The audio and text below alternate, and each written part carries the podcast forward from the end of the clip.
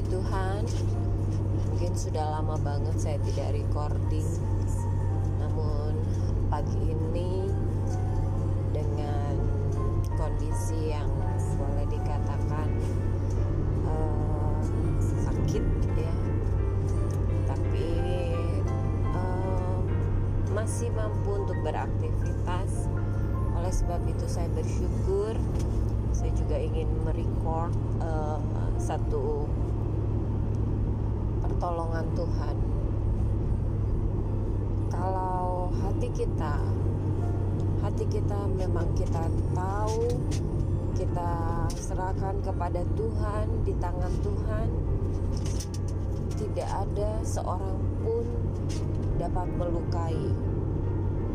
Mungkin ada orang yang merencanakan, mungkin ada orang tanpa sengaja. Mungkin ada orang yang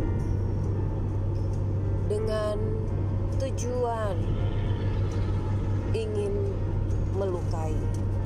Namun kalau hati kita kita jaga baik-baik, Tuhan katakan Dia akan memberikan pertolongan, perlindungan kepada kita, termasuk menjaga hati kita karena Tuhan tahu saat hati kita dijaga, maka akan mengalir kehidupan.